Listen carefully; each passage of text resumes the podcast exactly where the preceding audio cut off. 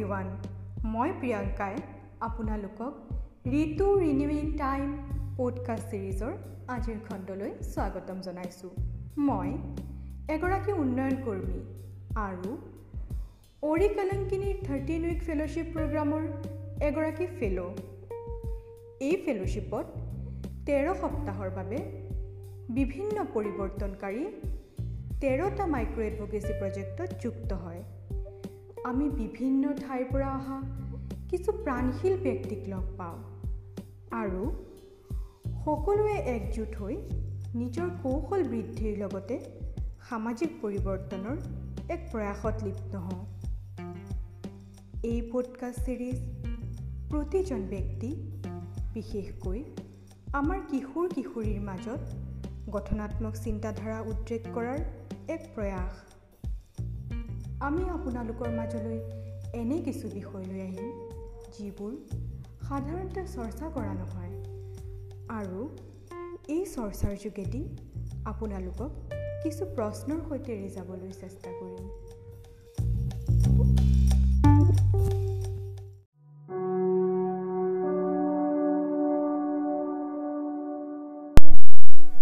ঋতুস্ৰাৱ বা মাহেকীয়া বুলি ক'লে আমি সাধাৰণতে কেৱল মহিলাক কেন্দ্ৰীভূত এক বিষয় বুলি ভাবোঁ। আৰু পুৰুষক ইয়াৰ পৰা নিলগাই ৰখা দেখা যায়। কিন্তু সঁচাকৈ ই কেৱল মহিলাক কেন্দ্ৰীভূত বিষয় নে ভাবি চাবলগীয়া। আজি আমাৰ মাজত এনে এজন ব্যক্তি আছে যে এই সামাজিক ধাৰণাক চেলেঞ্জ কৰি আহিছে। হয় আজি আমাৰ মাজত আছে নেলচন দেৱ। তেখেতে বিগত আঠ বছৰ ধৰি মেনষ্ট্ৰুৱেশ্যনৰ লগত জড়িত বিষয়লৈ কাম কৰি আহিছে। তেখেত দ্য ইক' হাব বুলি এখন অৰ্গেনাইজেশ্যনৰ প্ৰতিষ্ঠাপক যিয়ে অসমৰ গাঁৱে ভূঞে চুকে কোণে বিগত আঠ বছৰ ধৰি ঋতুস্ৰাৱজনিত সজাগতা সৃষ্টি কৰাৰ লগতে সক্ৰিয়ভাৱে এই বিষয়টোত কাম কৰি এক স্বাস্থ্যকৰ পৰিৱেশৰ সৃষ্টি কৰাৰ চেষ্টা কৰি আহিছে।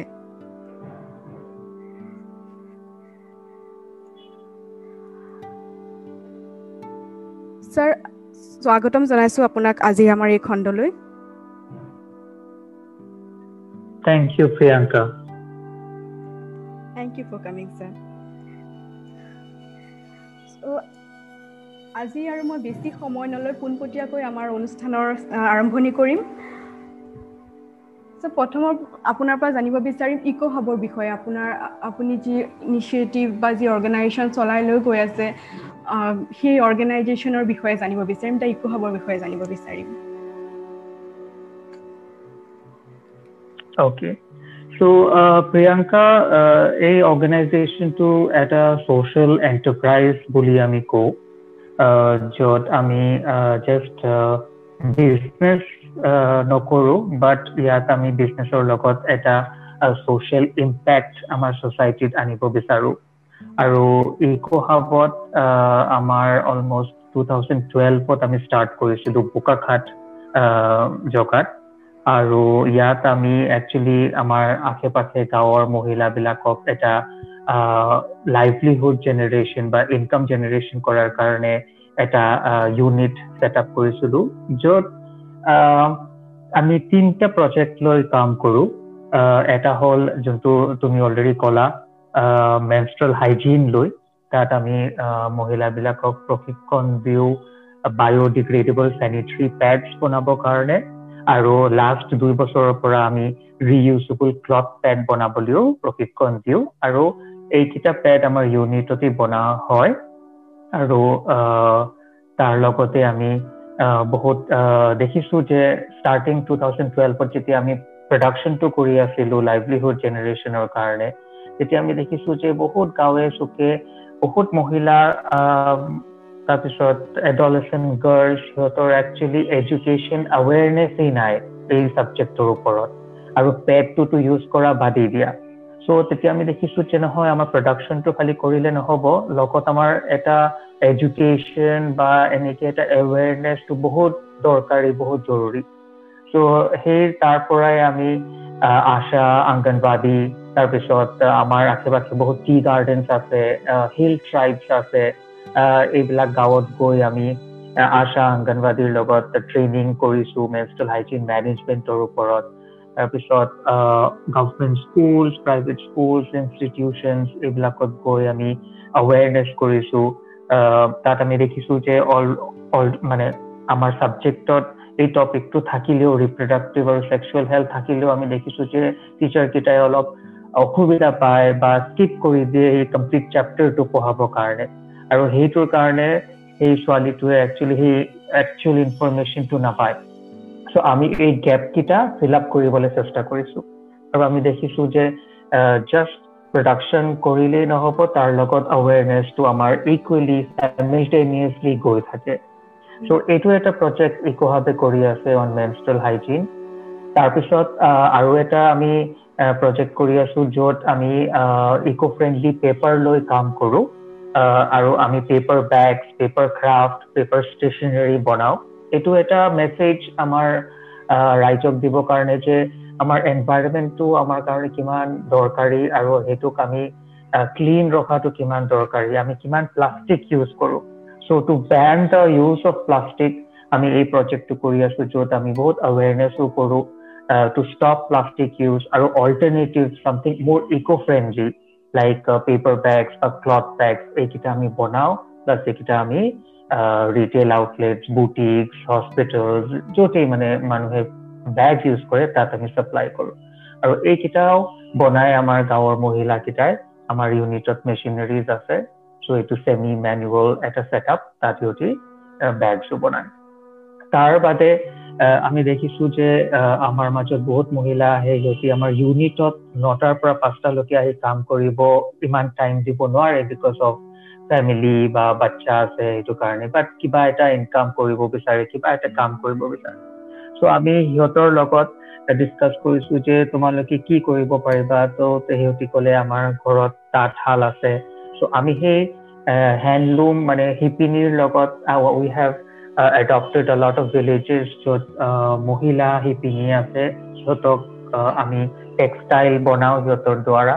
আৰু সেই টেক্সটাইলৰ ওপৰত আমি আৰু আমাৰ মহিলা আছে যিহঁতে কান্ধা এমব্ৰইড্ৰি কৰে।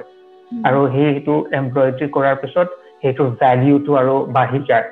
চ' আমি let's say kurta stole saris home linens notebooks এইকেইটা আমি এই টেক্সটাইল বনাই তাৰ ওপৰত হেণ্ড এমব্ৰইড্ৰি কৰি এইকেইটা আমি বনাওঁ চ' প্ৰাইমেৰিলি থ্ৰী প্ৰজেক্টছ আমি কৰি আছোঁ। এটা হ'ল মেনষ্ট্ৰেল হাইজিনৰ ওপৰত এটা হ'ল এনভাইৰমেণ্ট পেপাৰ বেগছ আৰু পেপাৰ ষ্টেচনাৰী লৈ আৰু এটা হ'ল হেণ্ডলুম ছেক্টৰত হয়। ৱাও এমেজিং টু হিয়াৰ সঁচাকে মোৰ শুনিয়ে মোৰ ভাল লাগি আছিলে। সঁচাকে শলাগ ল'বলগীয়া আপুনি যি কাম কৰি আছে। একেবাৰে মেনষ্ট্ৰুৱেশ্যনৰ ৰিলেটেড আপোনাৰ সজাগতাৰ আৰম্ভণি কৰাৰ পৰাই সজাগতাৰ সৃষ্টি কৰাৰ পৰাই আপুনি এনভাইৰমেণ্টৰ ওপৰত ফ'কাছ কৰি তেওঁলোকক বিভিন্ন ধৰণৰ আমাৰ মাজত অপশ্যন দাঙি ধৰিছে যিবোৰ ইক' ফ্ৰেণ্ডলি আৰু লগতে আন বহু মহিলাসকলৰ বাবেও তেওঁলোকৰ বাবেও তেওঁলোকৰ লাইভলিহুড জেনেৰেশ্যনৰো বিভিন্ন পথ দাঙি ধৰিছে। ধন্যবাদ আপুনি ইমান ধুনীয়া কাম কৰি আছে আচলতে যি যাৰ দ্বাৰা বহু লোক উপকৃত হৈ আছে আৰু প্ৰভাৱিত হৈ আছে। আপুনি ইমান ক'লে যেতিয়া আপুনি ইমান ধুনীয়াকে গোটেই কামবোৰ চলাই লৈ গৈ আছে এই ফিল্ডত আপুনি কেনেকে আহিলে? কিহে কিহৰ কাৰণে আপুনি বা কিবা মটিভেশ্যন আছিল নেকি? বা কেনেকে আপুনি ভাবিলে মেনষ্ট্ৰুৱেশ্যনৰ ওপৰত কাম কৰাৰ কথা? Okay. So uh, basically, মই actually 2002 পৰা 2011 and uh, 12 লৈকে মই actually 10 বছৰ বেংগলোৰতে আছিলোঁ। মই তাত হায়াৰ ছেকেণ্ডেৰী ডিগ্ৰী কমপ্লিট কৰি মই এটা ৱেব ডিজাইন কনচালটেণ্ট হিচাপে এটা ৱেব ডিজাইন কোম্পানীৰ লগত কাম কৰি আছিলোঁ। কিন্তু মই বিকজ মই born and brought up in Assam বেংগলোৰত ইমান বছৰ থাকি মানে মোৰ এটা ষ্টেজত আহি I was not enjoying my work মানে এনেই মানে ঠিক আছে লাইক কাম কৰি আছো বাট দেট ফুলফিলমেণ্ট সেই ইনাৰ ছেটিছফেকশ্যনটো মই পোৱা নাছিলোঁ। তাৰপিছত তেতিয়াই মই দহ এঘাৰত টু থাউজেণ্ড টেন ইলেভেনত মই তেতিয়া ভাবোঁ যে মই মই what is my true calling মই কি কৰিলে মোৰ ভাল লাগিব ইনাৰ ছেটিছফেকশ্যনটো পাম। চ' চ' তেতিয়া মই একচুৱেলি হোল ছ'চিয়েল অন্টাৰপ্ৰিনাৰশ্বিপটো আমাৰ ইণ্ডিয়াত বহুত মানে বুম হৈ আছিলে নতুন এটা বস্তু আমাৰ বেংগলোৰতো বহুত তেনেকে ছেমিনাৰ ইভেণ্টছ হৈ আছিলে সেই সময়ৰ ছ'চিয়েল অন্টাৰপ্ৰিনাৰ্ছৰ টকছ হৈ আছিলে চ' মই সেই সময় সেইকেইটা এটেণ্ড কৰিবলৈ যাওঁ উইকেণ্ডছত যেতিয়া টাইম পাওঁ আৰু সেই তেতিয়াই মই এজন আমাৰ যোনখন অসমৰ নট অসম ইণ্ডিয়াৰ পেডমেন বুলি কোৱা হয় মিষ্টাৰ অৰুণাচলম মুৰুগনাথন। তেওঁৰ মই টকটো এটেণ্ড কৰোঁ তাত। তেতিয়া তেওঁ ৰিচেণ্টলি প্ৰেচিডেণ্ট এৱাৰ্ড পাইছিলে চেনিটেৰী পেড মেচিন এটা আৱিষ্কাৰ কৰাৰ কাৰণে। চ' তেওঁৰ টকটো মই শুনি বহুত ইনস্পায়াৰ্ড হ'লোঁ। তেওঁ যে কিমান গাঁৱে গাঁৱে গৈ অলৰেডি মেচিনটো ছেট আপ কৰিছে। আৰু তাৰপিছত সেই মিটিংটো এটেণ্ড কৰাৰ পিছত মই তেওঁৰ ঘৰত গৈ কইম্বাটৰত তেওঁৰ লগত দেখা কৰিছোঁ কথা পাতিলোঁ তেতিয়া মই গম পাওঁ যে তেওঁ অলৰেডি মৰিগাঁৱত এটা গভমেণ্ট ইউনিটৰ লগত অলৰেডি এটা মেচিন ছেট আপ কৰিছে so' all that was like really inspiring you know' তাৰপিছত মই যেতিয়া অসমত মোৰ ভেকেশ্যনছৰ কাৰণে আহোঁ তেতিয়া মই সেই ইউনিটটো মৰিগাঁৱত ভিজিট কৰিছিলোঁ। চাবলৈ যে মেচিনকেইটা কেনেকে চলি আছে কোনে তাত বনাই আছে কি ফিডবেক পাই আছে। চ' মই যেতিয়া তাত you know' I went and I spoke to the ladies they তেতিয়া মই দেখিছোঁ যে সিহঁতৰ নেশ্যনেল হেল্থ মিছনৰ পৰা সিহঁতি অৰ্ডাৰ পাই আছে সিহঁতি তাত ছাপ্লাই কৰি আছে কিন্তু ছাপ্লাইটো মিট কৰিব পৰা নাই মানে ইমানেই ডিমাণ্ড কিন্তু বিকজ সেইটো মেনুৱেল পেড প্ৰডাকশ্যন ইউনিট হয় দিনত anywhere between five hundred to one thousand pads বনাব পাৰে চ' ইমানেই ডিমাণ্ড আছিলে যে সিহঁতি মানে ডিমাণ্ডটো ছাপ্লাই কৰিব পৰা নাই চ' তেতিয়া মই ভাবিছোঁ যে তেতিয়া সিহঁতি ক'লে যে আমাৰ এই প্ৰজেক্টৰ বাবে আমি কিমান মহিলাৰ লগত কাম কৰিব পাৰিছোঁ এইটোৰ বিষয়ে যেনেকৈ আমাৰ অসমত not only Assam but I think all over the world that is so' much of stigma and taboo মানে এটাচ যে এইটোৰ বিষয়ে মহিলাবিলাকে কথা পাতিবলৈ লাভ পায় বা এটা টেবু এটাচড আছে। কিন্তু এনেকে সৰু এটা প্ৰজেক্টৰ মাধ্যমে কিমান এইটোৰ বিষয়ে আলোচনা হৈ আছে ঘৰে ঘৰে মহিলাবিলাকে অলপ অপেনলি কথা পাতিব পাৰি আছে। ত' মই দেখিছো যে মৰিগাঁৱত যদি এনেকুৱা এটা কিবা হ'ব পাৰে তেতিয়া মই যদি মোৰ নিজৰ ঘৰত বোকাঘাটত আহি তেনেকে কিবা এটা কৰোঁ আমাৰ গোলাঘাট ডিষ্ট্ৰিক্ট যোৰহাট ডিষ্ট্ৰিক্ট এইকেইটা আশে পাশে ডিষ্ট্ৰিক্টত যদি আমি এনেকে এবাৰ এটা এৱেৰনেছ বা এটা পেট প্ৰডাকশ্যনো কৰিব পাৰোঁ then you know nothing better than that. So সেইটো আৰু মানে বেছি সময় মই লোৱা নাই। মই জাষ্ট ভাবিলো this is a great thing মোৰ তাত পেশ্যন আছিলে। মই ভাবিছো যে প্ৰবেবলি মানে সেই এটা ইউনিট তেতিয়া অসমত আছিলে আৰু মই নাম্বাৰ টু হোম যদি মই তাত কিবা এটা এনেকে ইউনিট বহাওঁ আৰু এইটোৰ ওপৰত কাম কৰোঁ। So' I just you know' make a made a quick move and মই ইমান ভবা নাই চিন্তা কৰা নাই। মই জাষ্ট ভাবিছোঁ যে অফক'ৰ্চ এইটো এটা ডাঙৰ ডিচিজন মানে মই চাকৰি কৰি আছিলো তাত ইয়াত আহি পটককে এটা বিজনেছ ছেট আপ কৰা ফেইলো হ'ব পাৰে বা ইউনো ভালো হ'ব পাৰে। বাট আই থিংক ছ'চিয়েল অন্টাৰপ্ৰিনাৰ্ছ বা এনি অন্টাৰপ্ৰিনাৰ হ'লেও মানে কেতিয়াবা এটা ৰিস্ক লোৱাৰ ফেক্টৰ থাকিব লাগে। আৰু থেংকফুলি মই তেতিয়া সেই ৰিস্কটো লৈছিলো আৰু মই ইয়াত আহিছিলো। সেইটো কাৰণে আজিলৈকে আমি ইকোহাব লৈ কাম কৰি আছো। হয়। চ' হয় সঁচাকৈ আপোনাৰ আপোনাৰ কামে বা আপুনি যিখিনি ক'লে ন তাৰ সেই বুজাই দিলে যে আমাৰ আমি যদি দৃঢ়তা থাকে আমাৰ যদি সঁচাকৈ কাৰোবাৰ কাৰণে কৰিবলগীয়া দৃঢ়তা থাকে পাৰি। আমি সফলতা লাভ কৰিব পাৰোঁ তাত নিশ্চয়। হয়। কিন্তু এই গোটেই কামবোৰ আৰম্ভণিৰ সময়ত বা যেতিয়া এই কামবোৰ চলাই লৈ গৈ আছিলে সমাজৰ পৰা বা পৰিয়ালৰ পৰা আপুনি কেনেধৰণৰ ছাপৰ্ট বা কোনো ধৰণৰ চেলেঞ্জেছ ফিল কৰিছিলে নেকি? বা তেনে বিশেষকৈ মেচুৰেশ্যন ন? আপুনি অলৰেডি আপোনাৰ কথাত কৈছে যে কিমান আমাৰ ষ্টিগমা ৰিলেটেড হৈ আছে। আমি কথা পাতিবলৈ টান পাওঁ। আমি আৰু বিশেষকৈ এগৰাকী পুৰুষৰ কাৰণে এই বিষয়টোত সোমাই কাম কৰাটো আৰু বেছি চেলেঞ্জিং কাৰণ বেলেগে আপোনাৰ কামখিনি কেনেকৈ ল'ব? তেওঁলোকে কিমানখিনি আপোনাৰ লগত কোঅপাৰেট কৰিব? তো সেই সেই ক্ষেত্ৰত আপুনি কোনো ধৰণৰ চেলেঞ্জ পাইছিলে নেকি?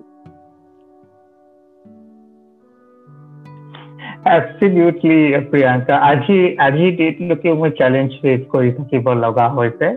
আৰু আই থিংক সেই বস্তুটোৱে মানে ইটছ ইটছ এক্সাইটিং যদি লাইফত চেলেঞ্জেছ নাহে তেতিয়াহ'লে it becomes very boring so' যেতিয়া মই আহিছো তেতিয়াতো মানে আমি পেড প্ৰডাকশ্যন ইউনিটটো ছেট আপ কৰাতে ইমান প্ৰব্লেম হোৱা নাই it was very good it is very smooth আৰু প্ৰডাকশ্যন হৈ আছে ঠিক আছে কিন্তু আমাৰ ছাপ্লাইও গৈ আছিলে বাট আমি দেখিছো যে মানে আমাৰ একচুৱেলি ছেগমেণ্টটো আছিলে ৰুৰেল ছেক্টৰ ত' ৰুৰেল ছেক্টৰত যেতিয়া আমি গৈছো তাৰপিছত দেখিছো যে মহিলাবিলাকে একচুৱেলি মানে বহুত কম মহিলাবিলাকে একচুৱেলি পেডটো ব্যৱহাৰ কৰে কাপোৰেই ব্যৱহাৰ কৰে আই think that is a misconception মহিলাবিলাকৰ মানে মাজত যে পেডটোহে চুপিৰিয়ৰ হয় আৰু কাপোৰটো একচুৱেলি বেয়া হয়।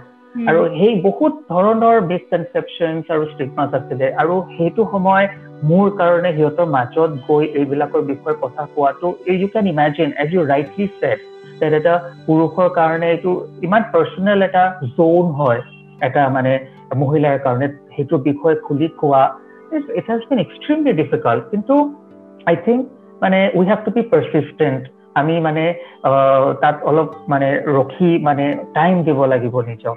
আৰু এনেকে নহয় যে মই আজি গৈছো আজি সিহঁতে খুলি মোক কথা পাতিব। মানে নিজক বহুত টাইম দিব লাগিব।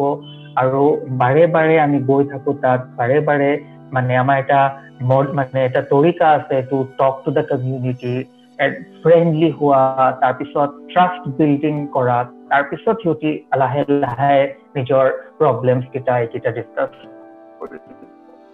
so' it was really a long lengthy process আৰু মই থেংকফুলি টাইমটো মই দিব পাৰিছিলোঁ আৰু ইভেন টুডে আই মিন আজিও যদি আমি মই নতুন এটা কমিউনিটিত যাওঁ বা নতুন এটা গ্ৰুপৰ লগত কাম কৰা কৰিব লাগে awareness এই হওক I still feel the same uh, way that you know and I think it's for everybody. মানে আজি মোৰ ওচৰতো নতুন কোনোবা এজন যদি আহে মই মানে ইমিডিয়েটলি কমফৰ্টেবল নহওঁ নহয় মোৰ অলপ টাইম লাগিব এটা ৰিলেশ্যনশ্বিপ বিল্ড আপ কৰিবৰ কাৰণে চ' তেনেকে আমি মই এতিয়াও যদি নতুন এটা গ্ৰুপৰ লগত কিবা প্ৰগ্ৰাম কৰোঁ আমাৰ প্ৰগ্ৰাম কেইটা মানে বহুত দিনৰ হয় বহুত হয় শ্ল' তাৰপিছত আমি লাহে লাহে ট্ৰাষ্ট বিল্ডিং কৰোঁ। And then you know it becomes easy তেতিয়া সিহঁতি আমাক ট্ৰাষ্ট কৰে সিহঁতি আমাৰ কথাটো শুনে আৰু তেতিয়া বিশ্বাস কৰে।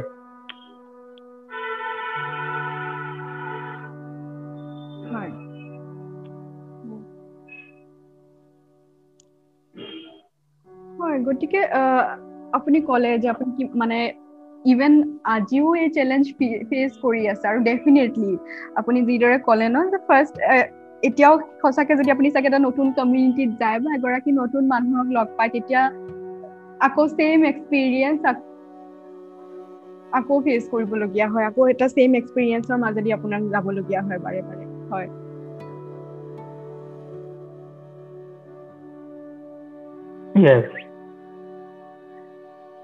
সেই ক্ষেত্ৰত আপুনি আচলতে আমাৰ মাজত এটা উদাহৰণ দাঙি ধৰিছে যে এগৰাকী নন মেনষ্ট্ৰুৱেটৰ বুলি যদি আমি কওঁ বা এগৰাকী পুৰুষৰ কথাই যদি কওঁ যাক সাধাৰণতে আমি ভাবোঁ যে মেনষ্ট্ৰুৱেশ্যনৰ লগত তেওঁৰ কোনো ৰিলেশ্যন নাই বা মেনষ্ট্ৰুৱেশ্যনত তেওঁৰ কৰিবলগীয়া বা তেওঁৰ কোনো ধৰণৰ ৰোল নাই। তো আপুনি আচলতে আমাৰ মাজত উদাহৰণ দাঙি ধৰিছে সঁচাকৈ আমি কিমানখিনি কৰিব পাৰোঁ আৰু কিমান নিড আছে কিমান দৰকাৰ আছে এই কৰিবলগীয়াখিনি।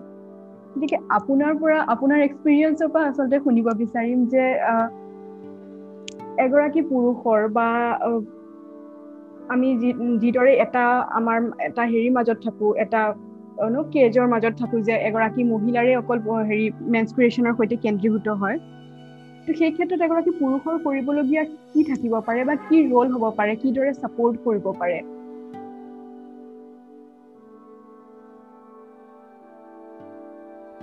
Okay. So, you know, Priyanka, I feel that আমি যদি কিবা কাম কৰিব বিচাৰো তাত actually there is no' things like gender তাত কিবা ৰোল প্লে কৰে নেকি যে এইটো পুৰুষৰ কাম বা এইটো মহিলাৰ কাম বা you know' when you have social message যোনটো তুমি দিব বিচৰা ইৰেচপেক্টিভ অফ ৱাট জেণ্ডাৰ আমি আমি সেই কামটো কৰি আগুৱাই যাই যাব পাৰি চ' চ' ইউ ন' চিমিলাৰলি ময়ো তেনেকেই সেই বস্তুটো ভাবিছিলোঁ যে মানে মোৰ কিবা এটা কাম কৰিব লাগে আৰু মেনষ্ট্ৰেল হাইজিনৰ এৱেৰনেছটো এডুকেশ্যনটো যোনটো আমাৰ গাঁৱৰ মহিলাৰ মাজত নাই সেইটো মই সিহঁতৰ ওচৰত লৈ যাব লাগে। And I just went ahead you know' and মই মোৰ এইটো মানে কেতিয়াও মোৰ ফেমিলি বা মোৰ ফ্ৰেণ্ডছ বা মোৰ চাৰ্কল বা মই য'ত কাম কৰি আছো সেই সেইকেইটা প্ৰব্লেম কেতিয়াও অহা নাই ডেট ইউ ন' মেইল হৈ এইটো কৰিব লাগে মানে তুমি মোক কোৱা যে এজন পুৰুষ ইটো তেওঁতো একচুৱেলি এটা দেউতাও হ'ব তো এটা ছোৱালীৰ দেউতাও হ'ব পাৰে তেওঁ এটা হাজবেণ্ডো হ'ব পাৰে তেওঁ এটা বয়ফ্ৰেণ্ডো হ'ব পাৰে তেওঁ এটা ব্ৰাদাৰো হ'ব পাৰে চ' এটা পুৰুষৰ লাইফত ইউ ন' কিমান মহিলাৰ মানে কানেকশ্যন আছে। So' don't you think that এজন পুৰুষৰ এটা নিজৰ ছোৱালীৰ কাৰণে হেল্থৰ বিষয়ে he has to you know' take care নিজৰ ৱাইফৰ কাৰণে টেক কেয়াৰ কৰিব লাগে? চ' আই মিন ইউ ন' গোটেই মানে every male is a part of another females life either through being a father or a husband or a brother So, you know, you, you are taking care of the ladies in your life. So, why not in the menstrual health part? নিশ্চয় সঁচাকে বৰ সুন্দৰ কথা এটা ক'লে আমি ইজনে সিজনৰ জীৱনৰ অংশ আৰু দুইজনে দুইজনৰ অংশ হৈ in sense in terms of anything like এজন যেনেকে আপুনি ক'লে দেউতা হওক বা এজন দাদা হওক ভাইটি হওক বয়ফ্ৰেণ্ড হওক এজন হাজবেণ্ড হওক বিভিন্ন ৰোল আছে আৰু তাতে আমি এজনে ইজনৰ চাপৰ্ট হিচাপে সদায় চলিব লাগে। আৰু চলাটো উচিত গতিকে সঁচাকে ইয়াত আচলতে নিলগাই ৰখাৰ কোনো দৰকাৰ আহি নপৰে যে এইটো পুৰুষৰ কৰিবলগীয়া বা এইটো মহিলাৰ কৰিবলগীয়া। আৰু এটা কথা বিচাৰিম। হয় আপোনাৰ অৰ্গেনাইজেশ্যনত যেনেকে আপুনি ইনিচিয়েট লৈ আপুনি ষ্টাৰ্ট কৰিছিলে চ' বাই নাও চাগে আৰু বহুত লোকে আপোনাৰ সৈতে হয়তো কাম কৰি আছে এই ক্ষেত্ৰত বা আগুৱাই আহিছেনে তেনেকে মেনষ্ট্ৰেশ্যনৰ ওপৰত কাম কৰিবলৈ? ইয়া চ' প্ৰিয়ংকা মই যেতিয়া ষ্টাৰ্ট কৰিছিলোঁ ইন টু থাউজেণ্ড টুৱেলভ তেতিয়া নৰ্থ ইষ্টত মই খালি অসম বুলি নকওঁ north ইষ্টত I think I was one of the pioneers যোনে মানে মোৰ অৰ্গেনাইজেশ্যনটো যোনে মেনষ্ট্ৰেল হেল্থৰ ওপৰত কিবা প্ৰডাকশ্যন কিবা মেনষ্ট্ৰেল প্ৰডাক্টছ বনাইছে বা এইটোৰ ওপৰত আলোচনা কৰিছে এৱেৰনেছ কৰি আছে। বাট ইভেঞ্চুৱেলি তাৰপিছত বহুত এনেকে এন জি অ'জো আহিছে মানে যাৰ মেইন অবজেক্টিভটো মেনষ্ট্ৰেল হেল্থ লৈ কাম কৰা নহয়। বাট লেটছ এ উমেন্সৰ ডেভেলপমেণ্ট এম্পাৱাৰমেণ্ট কিন্তু সেইটোৰ ভিতৰত এটা পাৰ্ট মেনষ্ট্ৰেল হাইজিন আছিলে। চ' ইণ্টাৰনেশ্যনেল উমেন্স ডে বা তেনেকে কিবা মানে স্পেচিয়েল দিনত সিহঁতি কিবা এটা মানে মেনষ্ট্ৰেল হাইজিন লৈ কাম কৰে। But no' such organization which focused only on menstrual health but I think সেই পেডমেন মুভিটো ৰিলিজ হোৱাৰ পিছত মানে অক্ষয় কুমাৰ যোন মুভিত আছিলে সেইটোৱে মানে গোটেই আমাৰ ৰাষ্ট্ৰটোত মানে মেনষ্ট্ৰেল হাইজিনটো এটা বহুত নৰ্মেলচিৰ নিচিনা এটা আনি দিছে।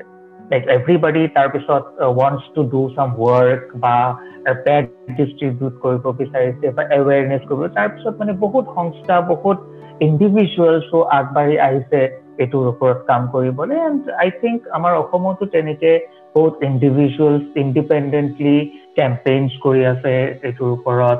Sustainable menstruation green menstruation menstrual awareness ত' তেনেকে আই থিংক সেই পেডমেন মুভিটোৱে বহুত এটা আউটৰিচ কৰি দিলে এণ্ড লট অফ পিপল তাৰপিছত এইটোৰ ওপৰত এতিয়া কাম কৰি আছে আমাৰ নৰ্থ ইষ্ট অসমতো। হয় হয় চ' মুভি সঁচাকে যেতিয়া মানে আমি তেনেকুৱা এটা কজ লৈ হয়তো বনাওঁ আৰু তাক যেতিয়া সঁচাকে আমি চাই পেলাই সেই বস্তুটো আমি নিজে বুজিবলৈ চেষ্টা কৰোঁ আমাকো প্ৰভাৱিত কৰে।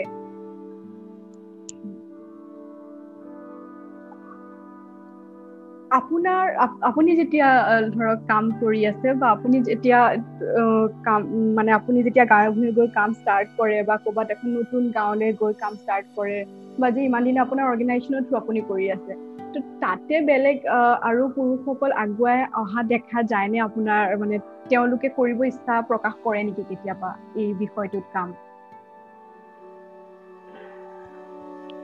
ডেফিনেটলি প্ৰিয়ংকা আই থিংক কি হৈছে আমি ইনিচিয়েলি আমাৰ এৱেৰনেছ প্ৰগ্ৰাম কেইটাও মানে এডলেচেণ্ট গাৰ্লছ আৰু মহিলাৰ লগত কৰিছো বাট আমি দেখিছো যে তাৰপিছত মানে বহুত ইনষ্টিটিউশ্যনছ স্কুল কলেজৰ পৰা আমাক ইনভাইট কৰে মানে সিহঁতৰ মাজত গৈ আমি এইটো বিষয়ে আলোচনা কৰাৰ কাৰণে আৰু তেতিয়া সিহঁতি কয় that why to keep it only for girls মানে এইটো প্ৰগ্ৰামটো খালি গাৰ্লছৰ কাৰণে কেনে ৰাখিব লাগে আমি ল'ৰাৰ কাৰণেও ৰাখো। Which is a very good initiative you know মানে ল'ৰাৰো এইটোৰ বিষয়ে জনা কিমানেই প্ৰয়োজনীয়। চ' আমি এৱেৰনেছ কেইটাও লাষ্ট বহু বছৰৰ পৰা ল'ৰাবিলাকৰ লগতো কৰোঁ বা মানে উইথ দ্য মেল পিপল আমি কিবা অফিচত বা কৰ্পৰেট বা এনেকে কিবা এটা ডাঙৰ অৰ্গেনাইজেশ্যনতো যেতিয়া আমি কৰোঁ তেতিয়া আমি মানে জাষ্ট মেল বা just female it can be both you know আমি চবৰ কাৰণে ৰাখোঁ। আৰু তাৰপিছতো আমাৰ অসমেই নহয় I think from different parts of India বহুত মানে এনেকে পুৰুষ আগবাঢ়ি আহিছে মোৰ লগত কণ্টেক্ট কৰিছে যে সিহঁতিও কিবা এনেকে প্ৰডাকশ্যনৰ কাম কৰিব বিচাৰে বা কিবা প্ৰডাক্ট বনাব বিচাৰে বা এনেকে কিবা আৱেৰনেছ কৰিব বিচাৰে। চ' আই থিংক আমি এক ধৰণে we are setting examples like you me or anybody else, you know, who are doing work in the social space, আমি এটা এক্সাম্পল ছেট কৰি গৈ থাকো আমাৰ নেক্সট জেনেৰেশ্যন বা আমাৰ য়াংষ্টাৰ্ছৰ কাৰণে যে you know' these are also' fields that you can explore that you can come in that you can work on আৰু আমি আছো আমি মানে we can guide you we can help you and support you so' definitely Priyanka like বহুত আছে আমাৰ মাজত পুৰুষ সিহঁতি আগবাঢ়ি আহিছে and they also' want to do similar work amazing to know. তেওঁলোকে আপুনি যিদৰে কৰি আহিছে আৰু তেওঁলোকে ঠিক যেনেদৰে আপুনি অকল নিজেই নহয় আন বহু লোকক প্ৰভাৱিত কৰি এই ফিল্ডলৈ লৈও আহিছে বা তেওঁলোকক দেখুৱাই দিছে যে এইটো পচিবল হয়।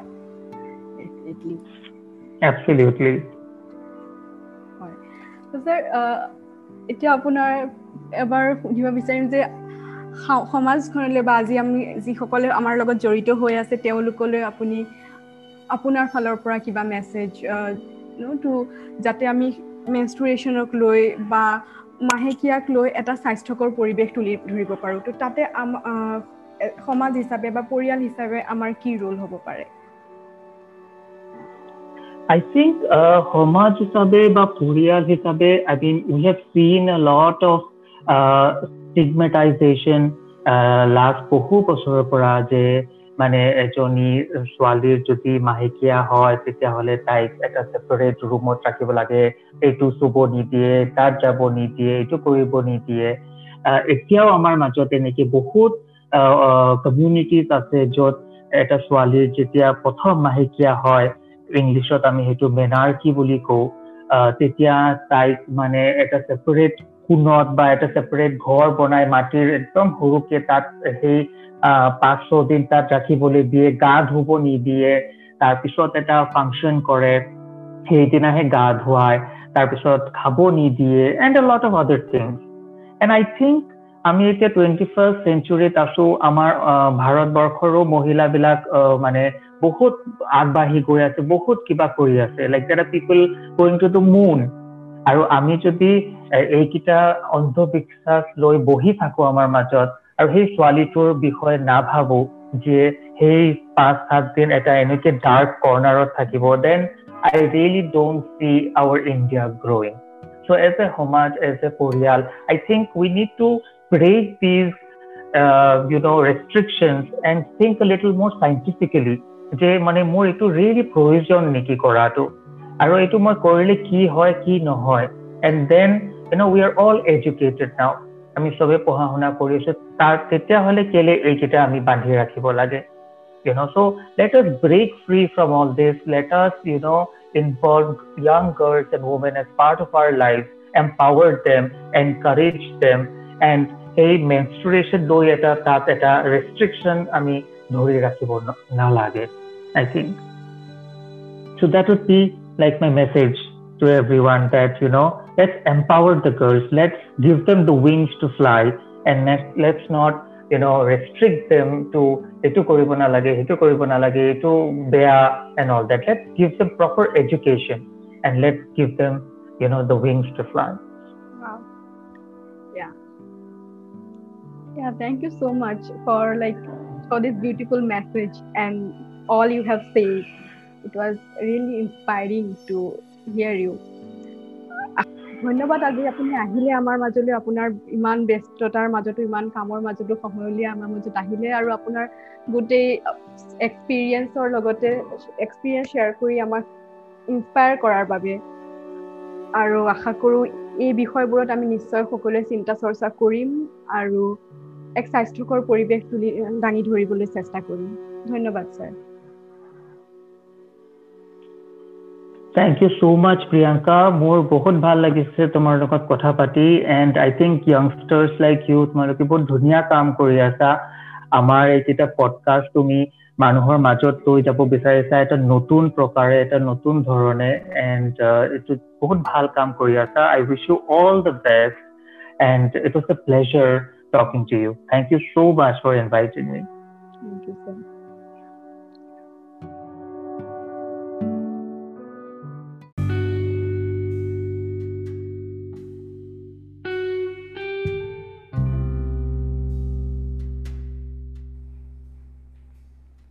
আশা কৰোঁ এই খণ্ডটোৱে আপোনালোকক ভাবিবলৈ কিছু সুযোগ দি গ'ল।